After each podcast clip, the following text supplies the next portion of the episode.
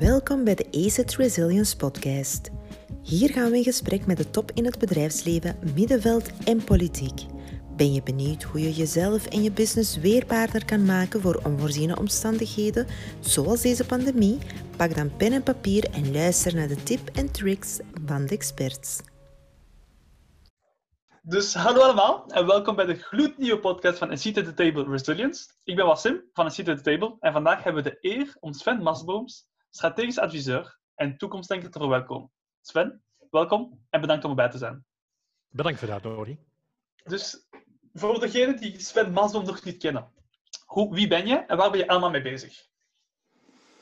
Uh, goede vraag. Ik uh, vraag het mij soms ook af, maar ik denk wie niet tegenwoordig.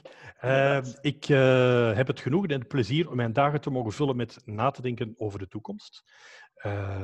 Toekomstscenario's, wat kan er allemaal gebeuren de komende 2, 10, 5, 15 jaar vooruit.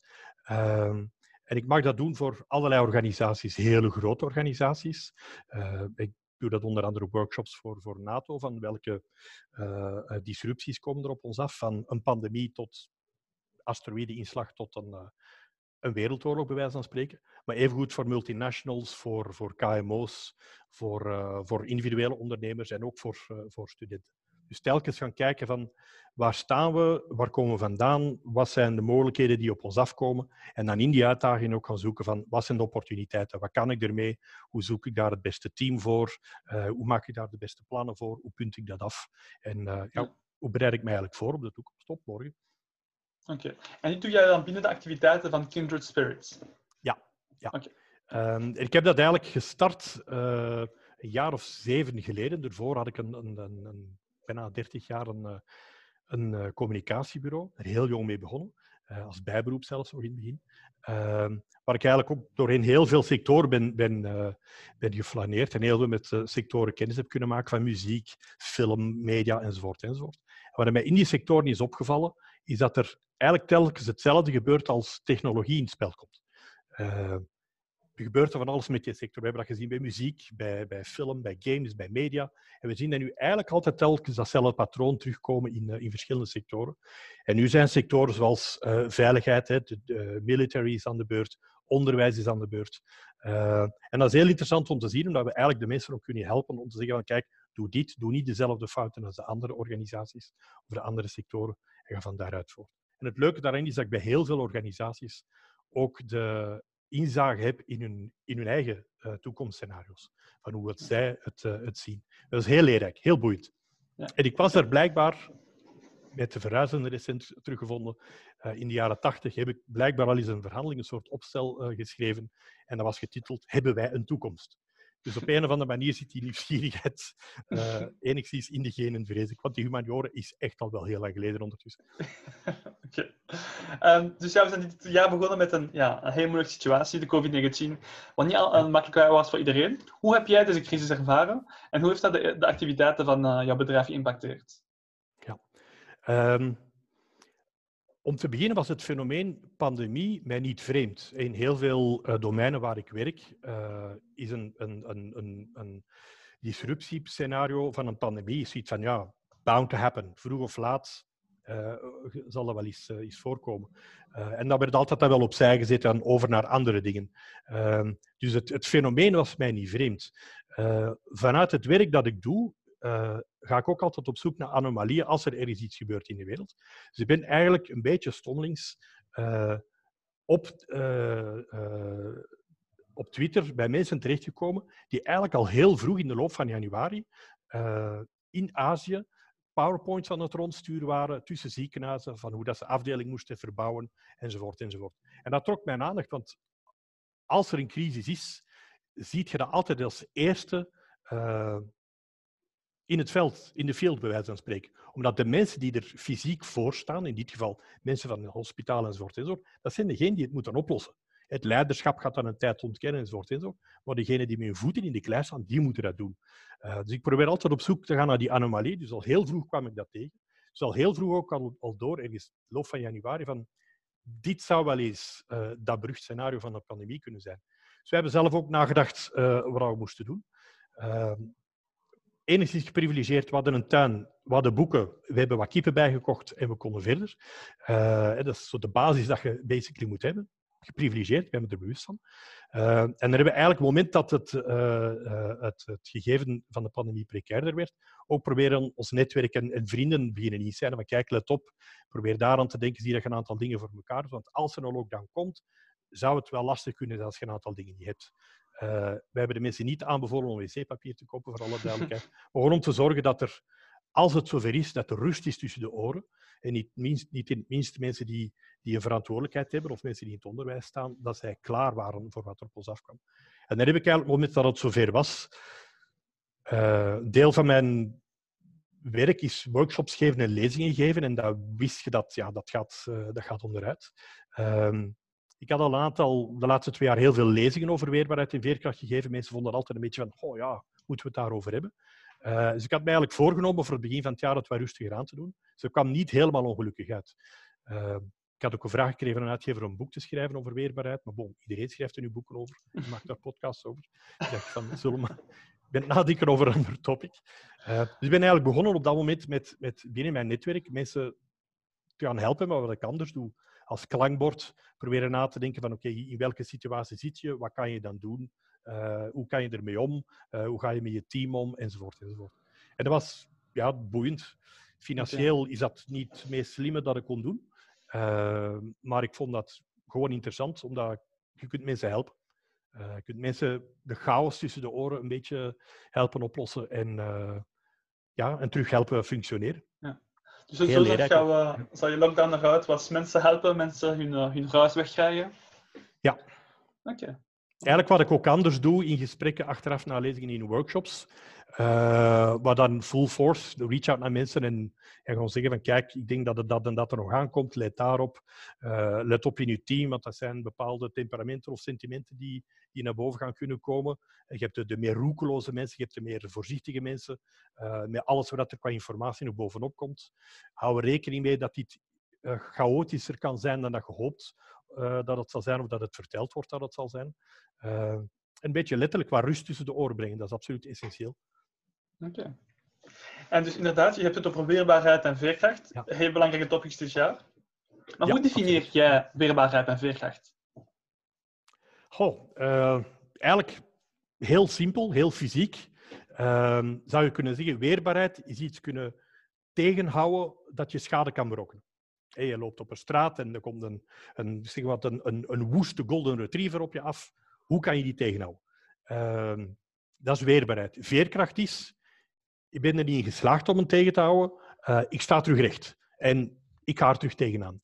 Uh, dat is zowel mentaal zo belangrijk, dat is verbaal zo en dat is ook fysiek zo. Hoe ga je ermee om tussen je oren? Wat zeg je dan? Wat is je communicatie? Wat is je verhaal? En ook hoe reageer je fysiek? Dat geldt voor een individu, dat geldt voor organisaties, dat geldt voor een, een land, voor een bedrijf en zelfs als soort is dat zo. Hoe gaan we daarom? Uh, hoe gaan we daar mee om? En daar is een heel essentieel iets nog bij waar ik denk dat we ook wel een beetje die missie zijn gegaan met z'n allen. We hebben het allemaal over weerbaarheid, we hebben het over veerkracht. we houden het tegen, het lukt niet, we vallen, maar we staan terug recht. Maar een essentieel element, derde pijler daarbij, is verbeelding. Als we niet nadenken hoe het anders kan, hoe het anders moet, dan doen we dezelfde fout gewoon terug opnieuw. Er is zo het credo, we always prepare for the previous war. Dus met andere woorden, je herhaalt eigenlijk jezelf de stommiteiten opnieuw. En dat is bij weerbaarheid en veerkracht juist hetzelfde. Dus weerbaarheid en veerkracht zijn eigenlijk heel dikwijls nutteloos zonder verbeelding erbij. Verbeelding is, wat kan er fout gaan? Hoe pak ik dat beter aan? Wat heb ik fout gedaan? Maar ook verbeelding is ook een stuk empathie van, mhm. oké, uh, wie heb ik nu mee? Waar moet ik nog op letten? En een mooi voorbeeld daarvan is dat we in de woonzorgcentra halverwege een eerste stommeling hebben moeten ontdekken dat het daar onvoorstelbaar slecht ging. Ja. Uh, een gebrek aan verbeelding is ook dat we uh, kinderen vier, vijf uur in een bus moesten steken voor dat school en terug te sturen, in een tijdperk dat we een Tesla 3 naar Mars aan schieten zijn. Uh, dat is een schrijnend gebrek van verbeelding, dat we er als maatschappij met alles wat we hebben qua welvaart, technologie, processen, systemen enzovoort, enzovoort, daar in veel gevallen zelfs niet aan zou gedacht hebben om daar iets mee te doen. Dus weerbaarheid, veerkracht, verbeelding. En dus als je het over verbetering, doe je dan uh, naar de toekomstverbetering toe? Of eerder verschillende scenario's uh, inzien en zien welke het meest uh, meeste kans heeft om te gebeuren. Ja. Verbeelding is eigenlijk uh, een vorm van nieuwsgierigheid voor niet alleen de toekomst, maar ook het heden en het verleden. Uh, er is een reden dat Camus' boek De Pest zo goed verkocht heeft, omdat hij eigenlijk een, een, een, een, een verslag uit het verleden is over de situatie waar we nu, uh, waar we nu in zitten. Je hebt zo nog een aantal boeken die, die goed gescoord hebben wat dat betreft. Dus je kijkt eigenlijk, een verbeelding een soort nieuwsgierigheid van is dit al eens gebeurd? Hoe hebben we dat toen aangepakt? Wat waren toen de gevolgen? Is ook kijken naar waar, wat zien we nu om ons heen, maar dan ook echt uh, onderzoekend kijken. Niet gewoon een, een, oppervlakkige blik, maar wat werkt er, wat werkt er niet, waar kunnen we op terugvallen. Los van alles wat er verandert, ook kijken naar wat er niet verandert, dat is ook essentieel. En waar kunnen we op bouwen, wat blijft hetzelfde, wat blijft stabiel. En dan ook vooruit gaan kijken, die verbeelding. Stel, als we dit zouden doen, dan wat? Stel, als we dat scenario volgen, maar dat lukt niet op tijd, dan wat? Uh, ja. Okay. En dat is een boeiend traject. Dat is, ja, inderdaad. Zo, inderdaad er valt ook heel veel uit te leren. En zo zie je ook dat heel veel uitdagingen op een bepaald moment ook heel veel opportuniteiten in zich hebben. Mm -hmm. Wat dat niet wil zeggen dat elke, elke uitdaging een opportuniteit is en dat alles vanzelf uh, ook terugpijs in vrees, want dat is absoluut niet zo. Dat het is een, een, een, een schok voor de maatschappij. En wat zijn dan jouw tips rond uh, uh, weerbaarheid en veerkracht? Kun je dat opbouwen of, of zat je ermee geboren? Wel, dat is een interessante vraag. Uh, om terug te, te, komen op het tweede stukje. ben je ermee geboren? Er is onderzoek naar dat uitwijst dat je er een zekere aanleg voor kan hebben. Is een onderzoek gedaan naar, ik denk mensen uit traumatische situatie, ik denk uit concentratiekampen, maar dat ze hebben gezien dat sommige mensen in identieke of quasi-identieke omstandigheden eruit komen en eigenlijk op hun eentje terug verder kunnen leven. Je hebt er anderen die dat hulp nodig hebben en steun nodig hebben. En je hebt er dan derden die eigenlijk gewoon volledig in puin liggen. Uh, en daar is nu onderzoek naar van, oké, is er zekere voorbestemdheid? Heeft dat met DNA te maken? Heeft dat met opvoeding te maken? Heeft dat met cultuur te maken? Heeft dat met manieren van, van, uh, van denken te maken? Uh, dus dat is een zekere voorbestemdheid. Ben je ermee geboren voor een mm -hmm. stukje? Voor een stuk is dat ook de manier waarop je kijkt naar de wereld. En wij proberen altijd als we met organisaties werken naar de essentie, te gaan. Wat is, hoe kijk je naar de wereld? Want je kijken beïnvloedt je denken en je denken beïnvloedt je handelen. Dus de blik, hoe dat je kijkt naar de wereld, is daar, uh, is daar essentieel in. En dan zie je dat uh, kritisch durven kijken naar, naar uh, de omstandigheden, durven aanvaarden. En een assessment heet dat dan, van oké, dit is de situatie, daar zit ik nu in, daar moet ik het mee doen. Uh, dat is een beetje te vergelijken met, je zit alleen thuis, de winkels zijn toe, wat ga weten? Ja, wat dat er in de ijskast ligt, daar moet het mee doen. En er is zo die eerste blik om u heen kijken van, wat is de situatie nu? En die moeten zo kritisch mogelijk doen. Uh, je kunt je van alles wijsmaken dat de dingen goed gaan gaan en dat ze vanzelf goed gaan gaan. En je kunt daar geluk in hebben, maar je kunt er ook pech in hebben. Dus je moet in die eerste fase heel nadrukkelijk kritisch kunnen nadenken en zeggen: oké, wat, welke tools heb ik, welke risico, risico's zijn er en wat kan ik er daarmee? En dat beïnvloedt uw denken verder en dat beïnvloedt uiteraard ook uw, uh, uw handelen verder. Maar de ene is er al beter op voorbereid dan de andere. Een tweede essentieel daarin is ook uh, is de voorbereiding zelf. En je kan uh, uh, je, je, organisatie, maar ook jezelf erop voorbereiden. Het meest extreme is een prepper. dat zijn de, de prepared ones die, die standaard een bunker hebben met voldoende water, uh, munitie en eten. En whatever, boeken of whatever dat ze nog nodig hebben. En dat is een extreem geval. Dat is niet leefbaar. Dat is niet, niet aangenaam om te leven. Los van het feit dat je dat graag doet misschien. Maar er zijn routines in. Hè. Dus je ziet daar ook bij bijvoorbeeld opleiding bij brandweer, bij politie. Je kan routines aanleren. Je kan ook in je bedrijf routines aanleren. Ik heb een heel schitterend voorbeeld van een, uh, een man die uh, voor allerlei operationele dingen in zijn bedrijf verantwoordelijk was. En op het moment dat die lockdown er kwam, was er een probleem van dat bedrijf. Want ja, die werkte allemaal met een vaste PC. Uh, alleen het kader, uh, het was geen grote KMO, maar een man of dertien, denk ik. Alleen het kader zelf, uh, die hadden laptops. Nu, wat had die man gedaan? Die zei, kijk, we hebben hier allemaal laptops, die worden niet meer gebruikt, om een paar jaar krijg je die nieuwe, dan gaan die weg. Die heeft hij allemaal bijgehouden. Die heeft hij allemaal in orde gehouden, de laatste software opgezet, gezorgd dat die batterijen zo nog werken. Dus op het moment dat die lockdown er was, zei hij, hier zijn 14 laptops. En dat was voor die, die ondernemer was dat mind-blowing. Zei hoe komt dat nu dat je die laptops hebt? Het voor dat bedrijf was dat echt een probleem. Je kunt niet zomaar die torens meer naar huis nemen enzovoort. Uh, En dat was gewoon omdat die man daarover nadacht. Maar die dacht ook na binnen zijn bedrijf, waar een defibrillator, hè, dat kleert die hartmassage-ding, uh, kun je dat van overal zien. Het was een bedrijf met, met een atelier ook. Kun je van overal in het bedrijf dat zien.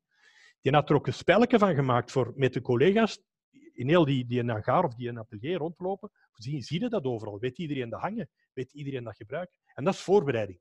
Dat is uw routine, dat is uw voorbereiding. En dat maakt ook weerbaarheid. En dat maakt dat op het moment dat een crisis u raakt, dat je mentaal rustiger bent. Omdat je weet, een aantal dingen zijn gecoverd. Okay. Essentieel. Ja, je zag dat ook dat Zweden in de loop van vorig jaar uh, een handleiding naar zijn uh, bevolking heeft gestuurd in Times of Disaster or War, denk ik dat het heette, met een aantal tips in van wat moet je doen als het fout gaat. En dat was uiteraard vanuit, vanuit de context van geopolitieke dreiging. Ja. Uh, maar een van de essentiële dingen erin, los van de voorbereiding, is dat je ook weet op wie kan ik rekenen, bij wie ben ik verbonden, wie kan ik bellen, wie wil mij helpen, wie ga ik helpen. Cohesie is daar een absoluut essentieel element ook in. Oké. Gaan we noteren? Weerbaarheid zonder verbeelding is waardeloos. Uh, dus je hebt ook een hele... maar meestal niet. Oké. Uh, je hebt ook een heleboel andere uh, focus, namelijk op tech en education.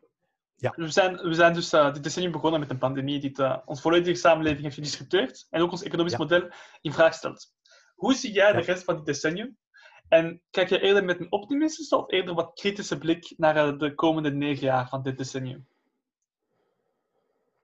Ik heb altijd de neiging gehad om heel optimistisch uh, naar de toekomst te kijken. Als je ziet wat er allemaal kan, we zijn, we zijn DNA aan het herschrijven. We kunnen op dit eigenste moment DNA schrijven. We kunnen heel goedkoop en snel DNA ook lezen. Dat is ook de reden dat we heel snel uh, de code van het virus hadden en dat we eigenlijk ook heel snel aan een vaccin kunnen werken. Uh, er was ook het credo van dankzij social media zullen er nooit meer dictaturen zijn. Maar de realiteit leert dat naast de best case scenario's ook altijd wel uitdagingen zijn. En ik probeer de, de attitude aan te nemen dat een best case scenario niet kan bestaan zonder worst case scenario's. Ehm, en ik kan er een voorbeeld uh, aangeven. Uh, je zou kunnen zeggen, ik ga dan naar de, leer, naar de rijschool, ik leer autorijden, maar ik ga uit van het best case scenario, de weg is altijd droog en rechtdoor. Uh, maar je weet in realiteit, slecht wegdek, tegenliggers, glad wegdek, sneeuw, uh, whatever, dat soort dingen. Dus een best case scenario in mijn ogen bestaat niet zonder een worst case scenario. Uh, en om terug te komen op uw vraag. Uh, er wordt gezegd dat 2020, we zullen blij zijn als we er vanaf zijn van de jaar. Als 2021 is, dan, gaat alles anders zijn. Ik denk dat 2020 het jaar nul is van een turbulent decennium. Uh, de mensen kunnen per definitie maar één crisis tegelijk aan. En dat is in dit geval, obviously, uh, overduidelijk de pandemie, COVID.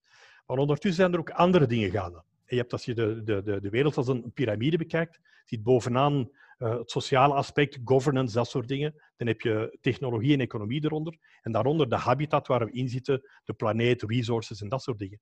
En waar we zien de scenario's, als je ze voor u uitlegt, is dat al die dingen onderling in conflict komen. Je hebt de maatschappelijke, je hebt de economische, je hebt sociale veranderingen allemaal samen. Technologisch staan we op een, op een, keerpunt. Uh, dus ik denk dat er nog heel veel turbulentie gaat zijn, nog heel veel frictie gaat zijn. Dat is niet noodzakelijk slecht. Hè. Frictie zorgt ook voor opportuniteiten. Frictie zorgt voor energie. Wrijving geeft glans. Uh, en wetende, terug te gaan naar de, de, de metafoor van de rijschool, als je weet er komen bochten aan, als je weet het gaat regenen, als je op reis vertrekt en je weet ik ga naar Schotland en de kans is vrij groot dat het regent, dus ik neem de regenjas mee, kun je er ook op voorbereiden. Ik denk dat het 2020 een heel turbulente decennium gaat zijn. Uh, je ziet dat onder andere, een van de grote uitdagingen is onder andere ook, uh, uh, ook desinformatie. Klimaat zal er een impact hebben. Er zijn een aantal dingen die op ons afkomen. Maar daar, is, daar zitten ook heel veel opportuniteiten in. En als je dat weet, kun je er ook voorzichtiger mee omgaan. Dan ben je weerbaarder, veerkrachtiger. En bijgevolg ook heb je meer kans om, uh, om succesvol te zijn. Dus er komen nog wel wat dingen op ons af. Het is een okay. beetje... de toekomst is een beetje zoals, zoals, zoals een ruimteschip we zitten in die cockpit, we hebben duizend knopjes. En dat is een uitdaging, want je weet niet wat die knopjes verdienen. Dus dat kan goed gaan, je weet niet hoe je ze moet combineren, maar dat kan ook fout gaan. Maar het goede nieuws is, we hebben duizend knopjes. Dus we hebben wel wat te proberen. Dus de essentiële vraag die we onszelf moeten stellen, is waar willen we naartoe met dat ruimteschip? Wat willen we eigenlijk bereiken? En, en, wie willen we daar aan boord van hebben? En als je dat beeld kunt hebben naar een toekomst toe, van kijk, binnen 10 of 15 jaar willen wij als maatschappij hier staan. Dan moet, er moet stabiliteit zijn, er moet degelijk onderwijs zijn, er moet degelijke gezondheidszorg zijn, er moet voor zoveel mogelijk mensen degelijke voeding zijn. Dat soort dingen. Dan is er een doel dat je naar kunt werken. Maar je kunt niet hopen, als je een briefje schrijft naar een soort virtuele, alles overheersende uh, Sint-Niklaas, Sinterklaas, dat dat dan in je schoentje terecht gaat komen. Je moet er rekening mee houden dat je er ook iets voor moet doen. Uh, en ik denk, dat is deel van weerbaarheid en, veerkracht. En vooral ook dan de verbeelding die meespeelt. Er komt nog turbulentie op ons af. Uh, en dat gaat nog wel wat gedoe geven. Uh, maar er zitten ook heel veel opportuniteiten in. Elke uitdaging is aan zich ook een opportuniteit. Niet altijd even glorieus, niet altijd even plezant, maar je kunt daar nog wel veel mee. En hoe sneller dat je dat weet, hoe sneller dat je ervan bewust bent, hoe meer dat je er ook mee kunt aanvangen. Dus ik denk dat er ook fantastisch veel kan. Uh, ik denk dat 2020 een ongelooflijk boeiend decennium wordt. Want het is ook voor de eerste keer in de geschiedenis van de mensheid dat we zo'n goede kaarten in de hand hebben. Dat we zo vlot andere mensen kunnen bereiken. Dat er technologie is, dat wetenschap onvoorstelbaar goed draait. Uh, dat, we, dat, dat we eigenlijk in verhouding tot, tot voor een paar jaar met start-ups vrij vlot geld konden raken en dat we nu zelfs gewoon geld kunnen drukken. Hopla, wie had dat gedacht? Uh, er is ook heel veel mogelijk. Je hebt ook heel veel meer mensen die, die zeggen van kijk, er zijn een aantal dingen toch in vraag moeten stellen, daar moeten we iets in doen. Die mensen vinden elkaar ook veel meer. We hebben ook gezien in het begin van de, van de, van de lockdown dat heel veel mensen uh, elkaar vonden om dingen te doen. He, is, we begonnen allemaal massaal maskers te maken, voor elkaar te zorgen, boodschappen rond te brengen, enzovoort. enzovoort. Dus turbulentie, denk ik, de komende, uh, dit decennium. Dus ik denk dat 2020 het nuljaar is van een turbulent decennium. Uh, maar dat er ook heel veel opportuniteiten zal zijn. En over technologie gesproken, denk je dat technologie ons kan helpen in met deze uitdagingen? Ja, ongetwijfeld. Uh, en daar kom ik ook een beetje terug op, uh, op verbeelding en vooruitzien. Ik denk dat we met technologie heel veel dingen kunnen doen. technologie is aan zich neutraal, denk ik. Uh, we mhm. kunnen daar heel veel dingen mee doen, als we dat ook weten waarom we het inzetten. We hebben een hele periode van digitale transformatie achter de rug, of zijn we volop mee bezig, waar we in een aantal gevallen gewoon slecht werkende processen gedigitaliseerd hebben. Uh, en dan is technologie niet altijd een vooruitgang. Ik denk dat technologie bewezen heeft, en wetenschap eraan sluitend, uh, met het virus, hoe dat we aan een vaccin zijn geraakt, dat soort dingen. Hoe dat het internet is blijven werken, dat soort dingen. Zeker in, in, hier in het Westen is dat, is dat een, een zegen geweest. En ik dat technologie ook heel veel kan, kan bijdragen. Maar denk, alles op technologie zetten is ook een, ook een risico. Uh, ik denk in het, uh, het komende decennium dat een van de dingen dat we rekening mee moeten houden, dat technologie op een bepaald moment ook niet meer zal werken. En je ziet dat heel erg al opkomen met, met hacks, ransomware, dat soort dingen. En bedrijven die gewoon volledig lam worden gelegd. Uh, Google is vorige week, denk ik, of, of heel recent, even uitgevallen. En dan zijn er bedrijven die niet meer kunnen functioneren, want alles zit in de cloud. Amazon-servers zijn uitgevallen en ineens werkt bij een aantal huizen de deurbel niet meer. Ehm, en ik denk als we blind vertrouwen op, uh, op technologie, dat we puur vanuit dat hyper-efficiëntie ook alweer tegen de muur zouden kunnen knallen. Dus ik denk dat elke organisatie, los van een, een digitaal plan en technologisch, een, technologie, een technologievisie moet hebben, ook een analoog B-plan moet hebben. En dat is een beetje het best case, worst case scenario. Een analoog B-plan houdt in dat je de telefoonnummers van uw medewerkers ook ergens hebt opgeschreven. Ik ken een voorbeeld van een bedrijf waar het, het kader, uh, de, de gsm's, uh, zaten in een soort veiligheidssysteem waar iemand bij procurement het abonnement niet automatisch vernieuwd had. Wat dat maakte dat die gsm's eigenlijk niet meer op de server konden. Dus die hadden geen ene telefoonnummer meer. Dus die wisten eigenlijk niemand nog te bellen.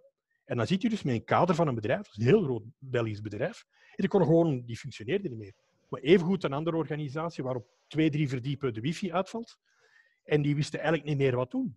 Terwijl dat eigenlijk, die CEO is dan naar beneden gekomen in alle staten en zegt van kijk, jij moet samenwerken met die persoon, jij moet een dossier doorsturen via mail, maar dat gaat nu niet door de wifi.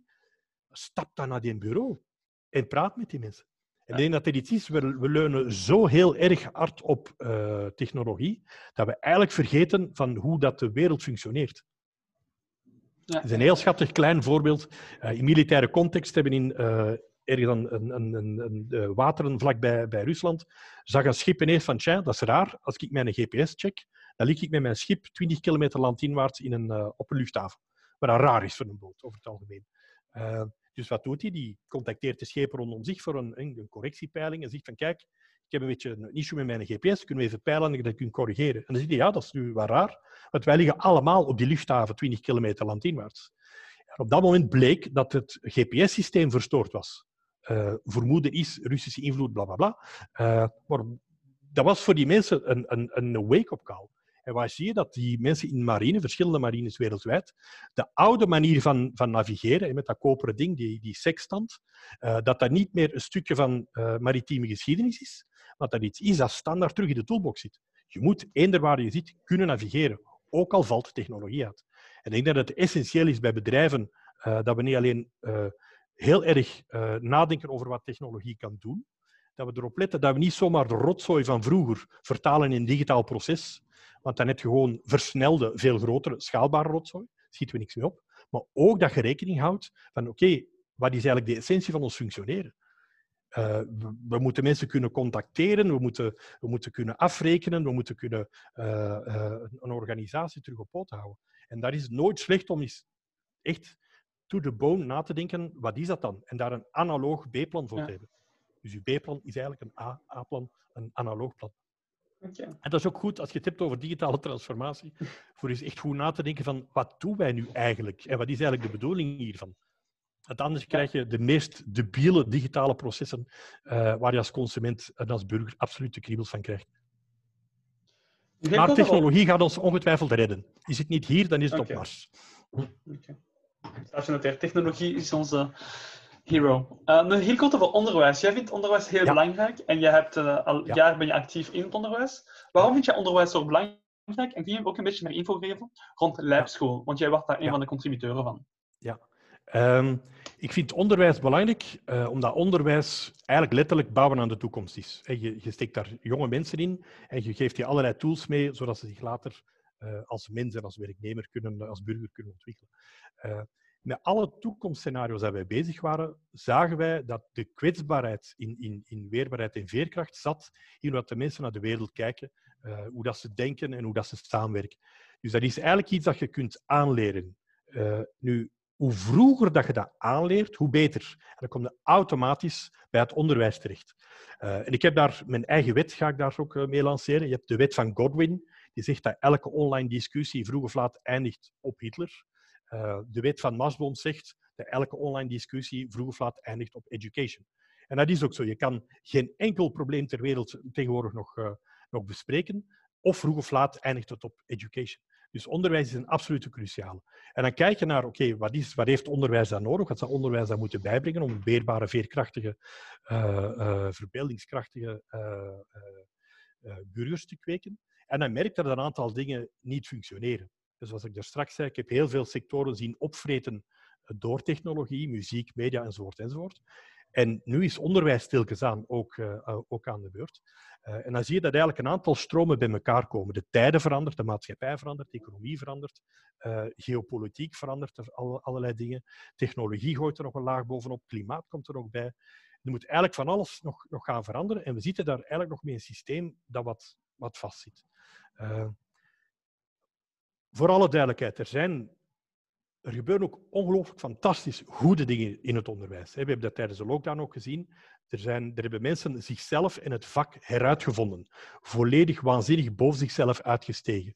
Um, maar er zijn ook scholen die volledig de mist in zijn gegaan. En wat mij heel erg opviel bij alle uh, directies, ouders en, en, studenten dat ik, uh, dat ik gecontacteerd heb, en dat is eigenlijk iets dat je ook al ziet doorstromen van ervoor, is dat heel veel scholen die eigenlijk niet zogezegd topscholen zijn, die ook niet altijd de top uh, opgeleide mensen hebben, onvoorstelbaar straffe dingen hebben gedaan. Maar dat er evengoed aan de andere kant topscholen zijn die niet gefaald zijn, maar quasi, allez, lijkt soms bewust de kanten er hebben afgereden. En dat is ook wel een, een hele interessante. Nu, om terug te komen op, uh, op belang van onderwijs en, en mijn drive erin. Als je weet hoe belangrijk dat onderwijs is, dan ga je op zoek naar van, oké, hoe kan ik daar iets in betekenen? Uh, onderwijs is een gigantische machine. Een derde van de Vlaamse begroting, een derde van onze centen gaat naar onderwijs. Dat is huge. Dat is gigantisch. Gigantische markt ook trouwens. Um, er wordt, onderwijs is maar een stukje van de markt van leren in totaal. Als, als, als de, de leren uh, een pizza zou zijn, dan is onderwijs daar maar een spie van. Dus dat is een gigantisch groot fenomeen, dat je ook niet zomaar keert als tanker. Uh, dus dan ga je op zoek naar waar kan ik uh, verandering in brengen. Dan ben ik allerlei organisaties terechtgekomen en proberen te helpen ook om dat te doen. En uiteindelijk ook bij de mensen, om het tweede stuk van uw vraag uit te komen, bij de mensen van Lab, een, een school in Puurs.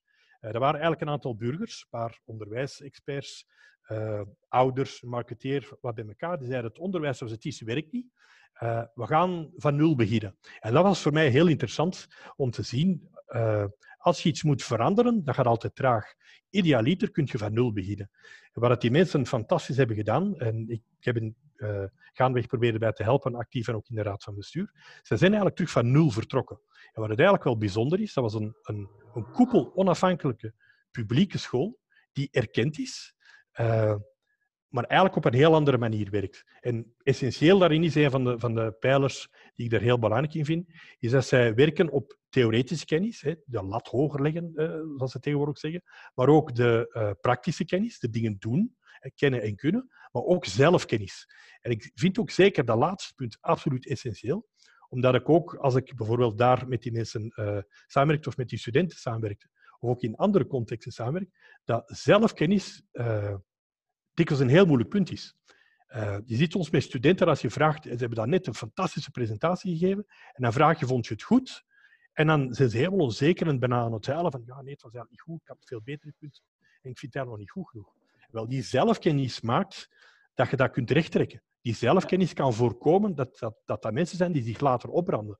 Uh, de perfectionisten, de, de, de, de super, super achievers als je die zelfkennis erbij in kunt steken, en dus een beetje ook bij die veerkracht in die weerbaarheid, dan heb je meer solide studenten die, die weten wat ze kunnen en waar ze naartoe gaan. Er zijn een aantal dingen in onderwijs die, die voor mij belangrijk zijn. Eén ehm, is dat je leert leren. Uh, ik blijf het fenomenaal bizar vinden dat de meest populaire online opleiding al jaren op een rij leren leren is. En dat zijn geen twaalfjarigen dat die opleiding volgen online, dat zijn jongvolwassenen en volwassenen. Dat betekent dat die allemaal jaren onderwijs hebben genoten en op het eind van de rit zeggen, oh, je gaat toch iets leren leren. Dat is heel bizar. Dus toch wel zeker falen ook al in het systeem. Dus leren leren vind ik essentieel. Maar ook dat je, dat je die studenten die intrinsieke motivatie kunt bijbrengen. Dat ze vanuit henzelf de goesting en een drive vinden om te leren, om dingen te ontdekken, om dingen te ontwikkelen. Uh, en ook dat volhouden, dat je een, een, mentaliteit en een attitude erin kunt steken, dat ze ook blijven leren. We hebben gezien dat dat absoluut essentieel is, zeker nu ook tijdens die coronacrisis, dat je kunt blijven manoeuvreren en blijven, uh, blijven jezelf vernieuwen, bij wijze van spreken.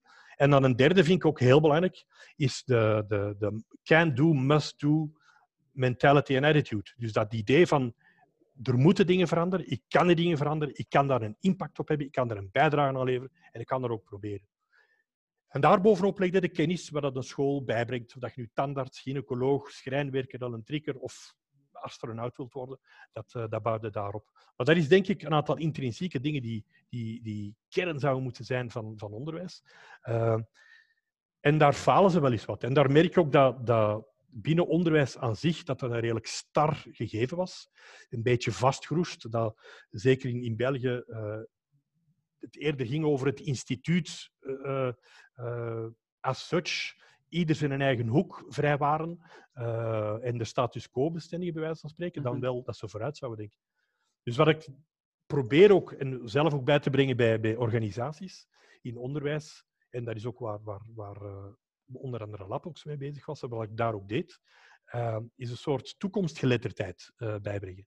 Okay. Uh, je hebt digitale geletterdheid, gewone geletterdheid, rekenkundige geletterdheid, maar ook toekomstgericht uh, geletterdheid. En dat is eigenlijk drie, drie pijlers. De, de foresight literacy, de geletterdheid, het, het kunnen vooruitkijken. Dus, dus, hoe, hoe kan ik een, een, naar de toekomst kijken en een toekomstscenario, verschillende toekomstscenario's bedenken, want de toekomst is nooit ligt niet vast, is nooit rechtlijnig. En twee is een strategische geletterdheid van oké, hoe maak ik er nu van al die scenario's een plan van voor in mijn best case future uh, terecht te komen. En ook een stappenplan, wat moet ik dan doen? En een derde is een tactische geletterdheid, uh, is hoe leren we samenwerken? En dat is een essentieel, er komt ook terug een beetje op dat cohesieverhaal. hoe kunnen we samenwerken? en als je die drie kunt invoeren, hoe kunnen we toekomstscenario's maken? Hoe kunnen we daar plannen uit distilleren? En hoe kunnen we leren samenwerken? Ehm, bovenop de dingen dat ik eerder vertelde van, van een school zou, of, een, een, of onderwijs zou moeten bijbrengen. Mhm. Ja, de rest is kennis en interesse en passie en, en, en, en evolutie dat je, er, dat je er bovenop ligt. Maar dan wordt het wel boeiend als je dat kunt meegeven. En dat heb ik ook gezien in de context van weerbaarheid bijvoorbeeld. En we spreken nu over die blackouts, dat de elektriciteit gaat uitvallen in België. Als je dat doet met, met 12, 13-jarigen en je zegt, kijk, de elektriciteit gaat uitvallen, dan moeten ze eerst opzoeken in welke regio. Zij woonden toevallig in die regio, stress. Wat gaat er dan gebeuren? En die jongeren die denken, ja, die wereld gaat vergaan. Er zijn geen verkeerslichten meer, de banken zijn niet meer beveiligd, de alarmen werken niet meer. Chaos. En wel anderhalf uur later kunnen dat zo keren, dat sentiment, dat die dat zien als een opportuniteit. Wat ze kunnen doen voor zelf voor, voor, voor uh, distributie van dingen te zorgen, om zelf voor beveiliging te zorgen, daar zelf winst uit maken. Het concept van, dan gaan we uh, blackout of brownout kaarsen verkopen. Uh, en op het eind van, waar dat een, een, een, een, een les begint met, oei, dat gaat hier allemaal fout. We staan eigenlijk nergens, de worst case scenario. Eindigt daar naar een preferred, een best case scenario, dat ze zeggen van, ja, dat gaat toch zeker gebeuren, want wij willen al ons idee wel gaan uitrollen.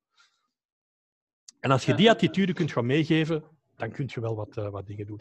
En Lab is daar bijvoorbeeld een school die daar nu al een aantal jaren uh, op gewerkt heeft en daar enorm succesvol in is. Uh, in de zin dat ze ook altijd qua inschrijvingen ik zeg altijd tegen vrienden die ik bij Tomorrowland ken, van ze zijn sneller volgeboekt dan Tomorrowland. en dat is schrijnend, want dat merk ik ook wat een nood dat eraan is. Ja. het goede nieuws is enigszins dat door corona een aantal dingen versneld worden. Dus een aantal andere scholen die daarvoor ook al wel bezig waren, maar moesten vertrekken vanuit een bestaande structuur. Terug zoals ik daar straks zei, er zijn heel veel gemotiveerde, capabele mensen in het onderwijs, maar die niet altijd vooruit kunnen binnen de structuur, binnen de context. Wel, die hebben door uh, de hele coronacrisis uh, eigenlijk een boost kunnen krijgen, vrijheid kunnen nemen om sneller te schakelen. Uh, en dan niet alleen technologisch, maar ook qua structuur. Wat doen we? Hoe, hoe, pakken we die studenten aan? Hoe pakken we leren aan? Uh, hoe gaan we om met, met, met de content, met de doelstelling, met de evaluatie, de processen, uh, dat soort dingen. En dat is boeiend. En daar zorgt dan zo'n zo'n zo'n coronacrisis voor een potentiële uh, positieve evolutie. Er zijn ook nadelen aan. Je hebt ook een hele hoop waar we denken dat we het gaan oplossen met technologie. Dus iedereen een laptop en dan komt het vanzelf wel goed.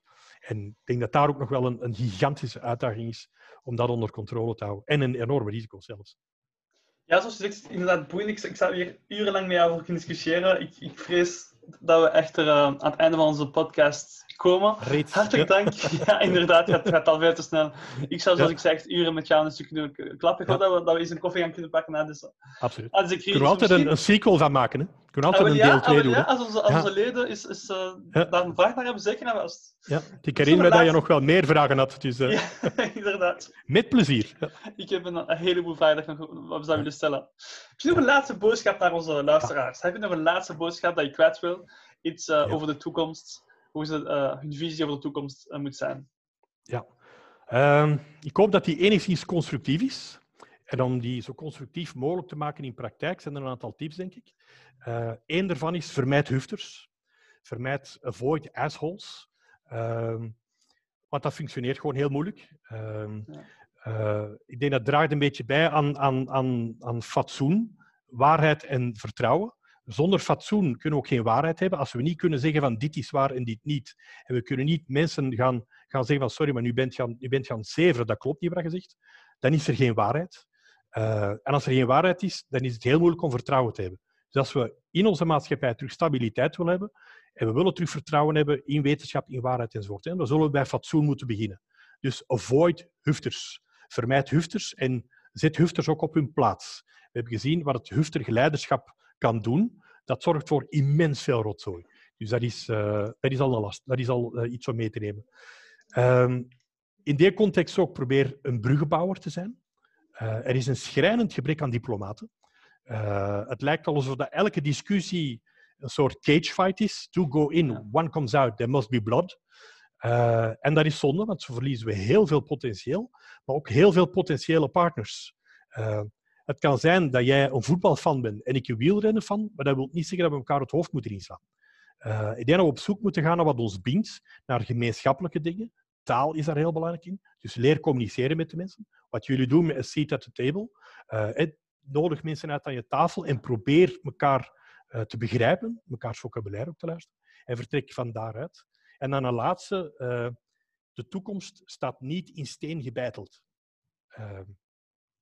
Wij hebben daar allemaal de mogelijkheid om daar impact op te hebben. Het klassieke uitspraak waar we nu mee zeggen van ja, het is wat het is, dus ja, het is wat het is. Uh, het is wat het is, dat is meestal een uitspraak van mensen die zeggen ik weet het eigenlijk ook niet meer, zullen we het hierbij laten dan? En dan is dat een eindpunt. Voor mij is het is wat het is een vertrekpunt. Het is wat het is, oké, dan gaan we daar eens naar kijken wat dat, dat juist is en wat kunnen we daar dan mee.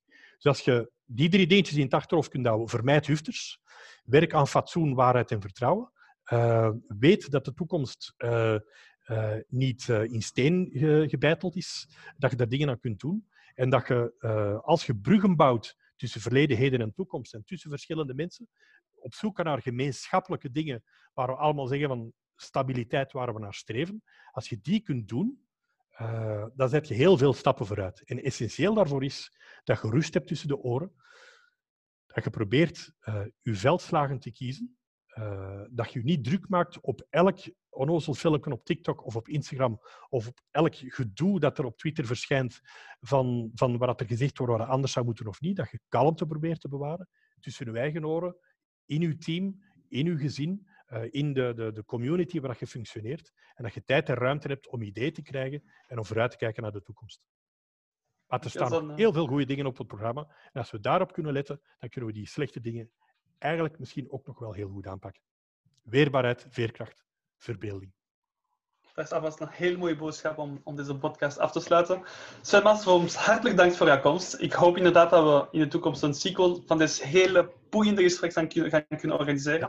Ik denk dat onze leden enorm meer veel hieruit hebben gehaald. Nogmaals bedankt voor uh, al uw tips, al uw tricks, al uw visie over de toekomst. Ik, ik heb er alvast heel veel bij geleerd. Hartelijk dank Sven. Bedankt voor dat. Heel snel. Het gaat jullie goed. Cheers. Dankjewel.